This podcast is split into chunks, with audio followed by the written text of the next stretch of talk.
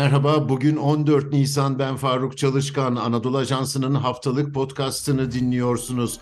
Çevre hakkında konuşmalıyız adını verdiğimiz bu yayında iklim krizi büyük yer aldı bugüne kadar.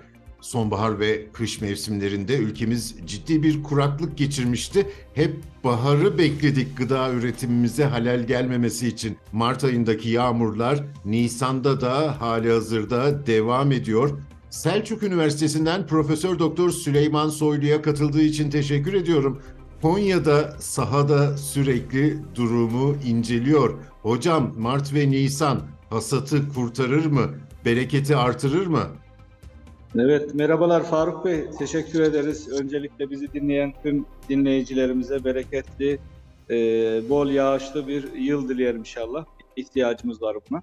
Tabii e, meteorolojik ve tarımsal kuraklığı ayırmak lazım Faruk Bey. Yani e, meteorolojik anlamda çok ciddi bir kuraklık yaşadık. Devam ediyor aslında tam daha atlatmış değiliz ama tarımsal anlamda bizim dönemsel yağışlara ihtiyacımız var.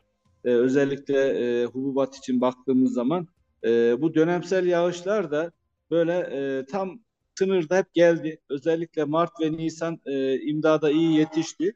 Ama şunu unutmayalım. Hasat dönemlerimiz bizim işte Çukurova'da Haziran'da, e, İç Anadolu'da Temmuz'da hatta Doğu Anadolu'da Ağustos'a kadar kayabiliyor.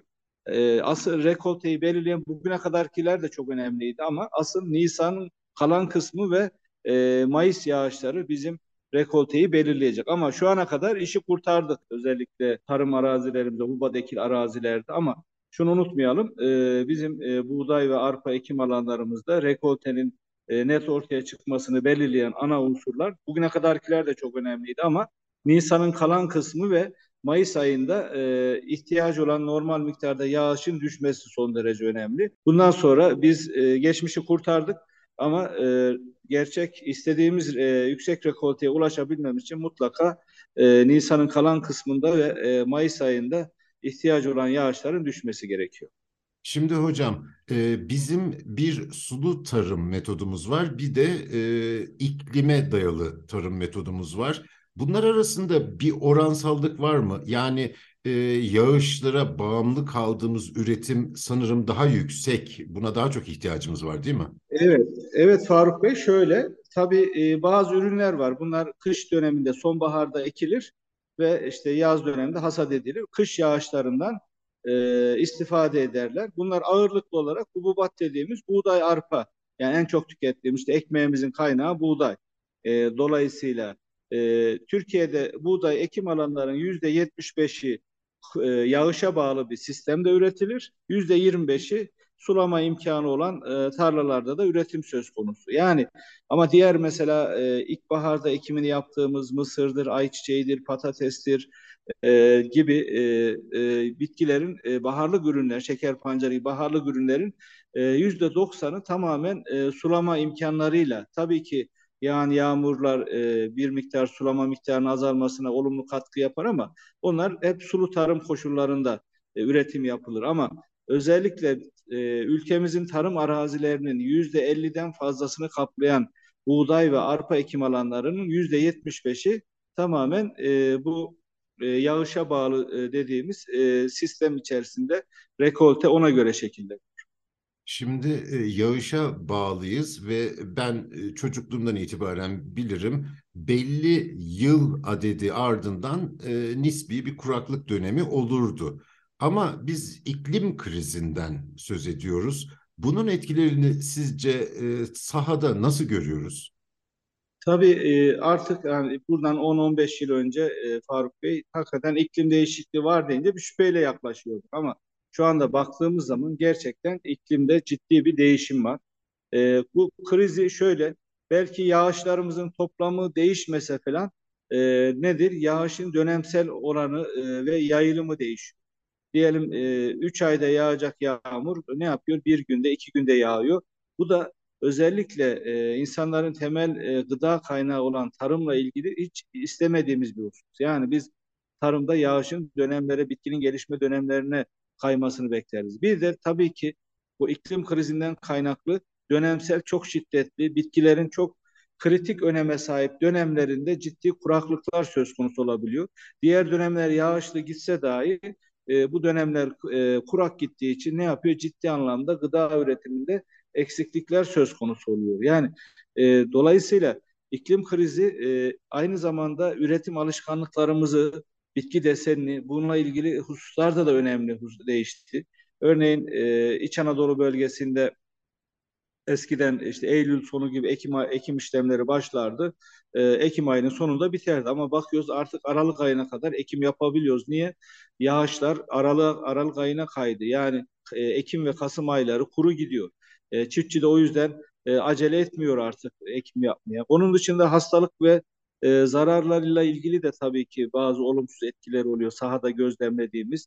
Daha önce hiç e, e mücadelesinde e, kimyasal yöntemler kullanmadığımız e, işte diyelim mantar hastalıkları vesaire bunların da artık eskiye göre çok daha yaygın gözlemleyebiliyoruz.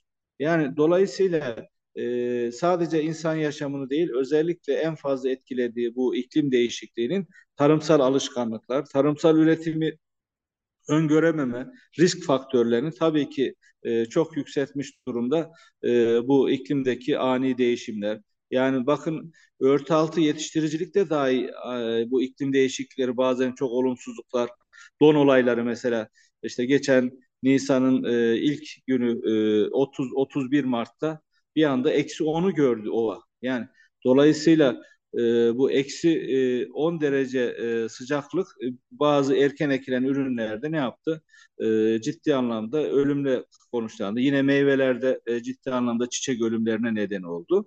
Yani bunun gibi e, çok sayıda örnek verebiliriz Faruk Bey. Yani e, iklimler e, mevsimlere göre şekilleniyordu ama mevsimlerdeki ritim bozuldu. Ben bu konudaki sohbetlerimizde hep şu konuyu gündeme getiriyorum bu aşırılıklara dayanıklı tarım metotları aslında var literatürde ve hatta uygulanıyor.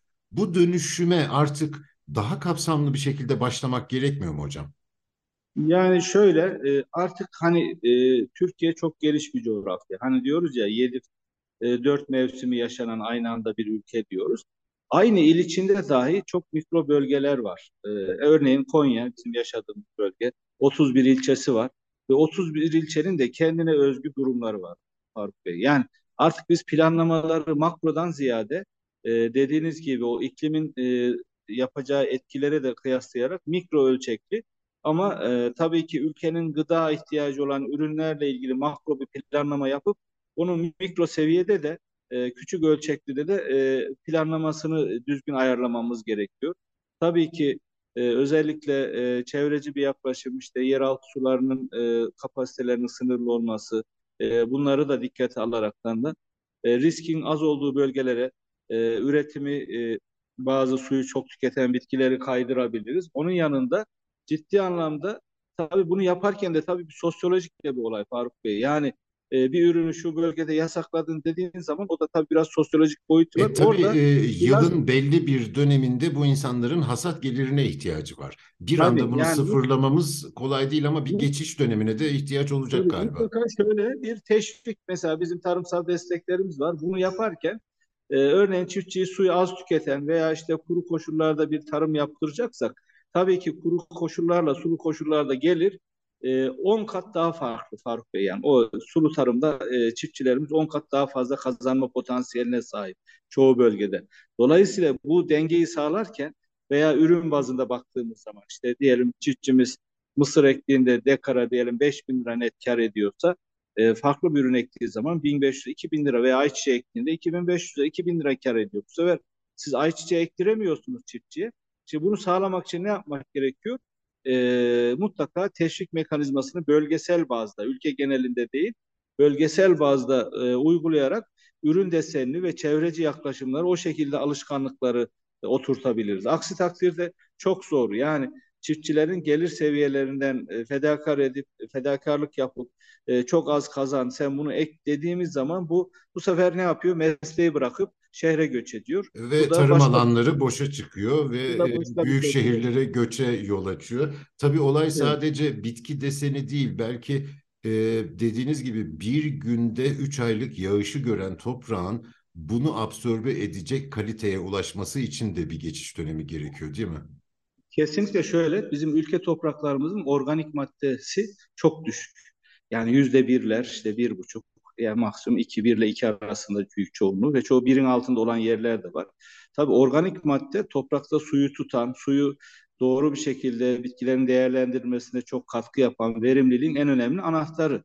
Baktığımız zaman dediğiniz gibi işte e, yağmur yağıyor ama o yağmur toprakta depolanması, uzun vadede üretime katkı sunması pek mümkün olmuyor. Çoğu yüzey akışı şeklinde e, kaybolup gidiyor. Ha bununla ilgili biz mesela sahada e, yıllardır hep sahadayız sürekli. Bazı alışkanlıkları değiştirmeye çalıştık. Neyi? Mesela çiftçimiz sürekli e, traktörü pullukla 25 santim e, derinlikten işliyor. O tabaka sertleşiyor. Kaya gibi sertleşiyor ve yağan yağmur suları toprağın alt katmanlarına inemiyor ve yüzey akış şeklinde kayboluyor. Biz dip kazan patlatma dediğimiz bir alışkanlığı Konya Ovası'nda çiftçilerimizin %75'ini artık uygulatıyoruz ve artık yağan yağmur suları veya sulamayla verdiği su toprağın alt katmanlarına iniyor ve orada depolanıyor. En azından bitkinin stres durumu veya kuraklık periyotlarında toprakta e, nem rezervinin de e, azalmasının önüne geçiyor sonra. Şimdi toprağa sürmeyi tamamen ortadan kaldıran metotlar da var. Ben Konya için onu merak ediyorum. Hiç gözlediniz mi anızın üstüne tabii, direkt tabii, ekim? Şöyle, doğrudan anıza ekimle ilgili de bizim e, e, bölgede yıllardır yaklaşık 15-20 yıldır çalışmalar var. E, özellikle kıraç alanlarda. Bununla ilgili biliyorsunuz Konya e, tarım makineleri sanayinde Türkiye'de bir numara ve yaklaşık 150'nin üzerinde ülkeye ihracat yapıyor. Ve çok becerikli bir sanayimiz var. Bu doğrudan anıza ekim e, makinelerini de imal ediyorlar. Ve zaman zaman e, KOP Bölge Kalkınma İdaresi başta olmak üzere farklı e, koordinatör kuruluşların e, makine ekipman desteğiyle de bu çiftçi örgütlerine, ziraat odalarına, pancar ekicileri kooperatifine, bazı diğer tarımsal kalkınma kooperatiflerine bu makinalardan e, alındı ve e, çoğu bölgemizde var. E, iki türlü makinalar. Biri e, doğrudan e, hububat kıraç alanlar için kullanılan doğrudan hububat ekim makineleri. Bir de pneumatik dediğimiz e, sıraya ekim yapılan e, makineler, doğrudan ekim yapılan makineler. Tabii e, bu bir süreç biraz da alışkanlık. Tabii ki bölge yağışı da çok düşük. 300 milimetre civarında, 300-330 milimetre ortalaması. E, yaklaşık bir şöyle bir 50 bin dekarda falan yayıldı bu e, şeyler. Ama e, tabii ki çok ilerlediğini söyleyemeyiz. E, e, bu doğrudan ekimle ilgili. Şimdi yabancı ot mücadele sorunu işte farklı nedenler. Tabii ki e, burada çiftçinin en önemli şeyi bu. Doğrudan ekim bir maraton e, Faruk Bey. Uzun vadede toprak yapısında iyileştiren Evet, Tabii demin bahsettiğiniz bizden- organik madde oranını da koruyor, Evet, evet. nemi tutuyor e, ama e, hasat gelirini azaltıyor. Çiftçi ne yapıyor? Daha fazla mazot, daha fazla kimyasal gübre ve ilaç %80 kullanıp hasatını e, daha yüksek seviyede tutturmaya çalışıyor ama bu süreçte de toprak zayıflıyor. Tabii bununla ilgili bizim tüp, bitirdiğimiz TÜBİTAK projelerimiz de var. Yani e, e, kesinlikle mazottan yüzde seksen tasarruf. Yine dediğiniz gibi toprak neminin muhafazası vesaire. E, ama dediğim gibi çiftçilerimiz biraz günübirlik düşündüğü için bu maratonda e, işte bazen tarlasını otlu gördüğü zaman işte Ekim'de bazen o kalan anız artıkları e, makineleri tıkayabiliyor. Bazen sağlıklı ekim yapamayabiliyor. Bu gibi nedenlerden ama ovada şu anda uygulanıyor. Ama e, deseniz ki ya hocam e, ne kadar oran deseniz yani yüzde bir ikiyi geçmez. Hani gerçekçi olalım e, dolayısıyla. Ama e, bu pneumatik doğrudan ekim makineleri sulu tarımda onlar daha yaygın. Mesela örneğin ana ürünü kaldırıyor çiftçi toprağı hiç sürmeden direkt e, e, işte ikinci ürün işte silajlık mısır ekecekse veya ona benzer yem bitkiyle ilgili bir ekim yapacaksa o tip makineleri da e, pratikte yoğun kullanıyor. Zaman zaman işte FAO Dünya Gıda e, Örgüt de yaptığı bazı projelerde iyi bir makine. Yani makine konusunda bir sorun yok. Ama e, e, özellikle doğrudan anıza ekimle ilgili e, işte kısa vadede çok büyük bir farkındalık çiftçi e, görmediği için maalesef bunu e, çok geniş bir alışkanlık haline dönüştüremedik.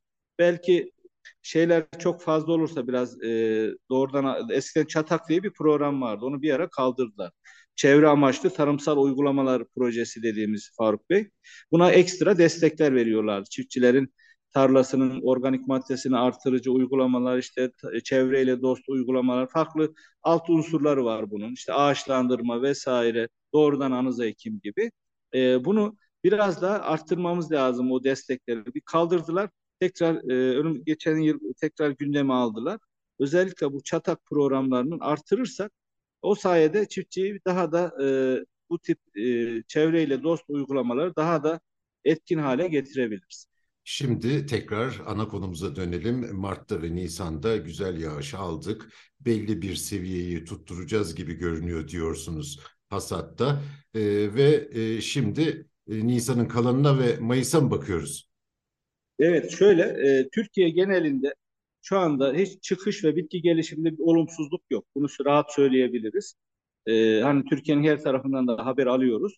E, dolayısıyla e, ve inşallah e, bu Nisan'ın kalan kısmı ve e, Mayıs'ta yağışlı gittiği zaman tabii ki bu e, meteorolojik kuraklık önlenemedi. Daha hani, barajlar, su havzaları istenilen boyuta gelmedi. Özellikle kış yağışları yetersiz ama şunu söyleyeyim ben size şeye kadar e, Şubat ayına kadar yüzde 60'lar civarında bir uzun yıllar ortalamasına göre eksikliğimiz vardı toplam yağışta.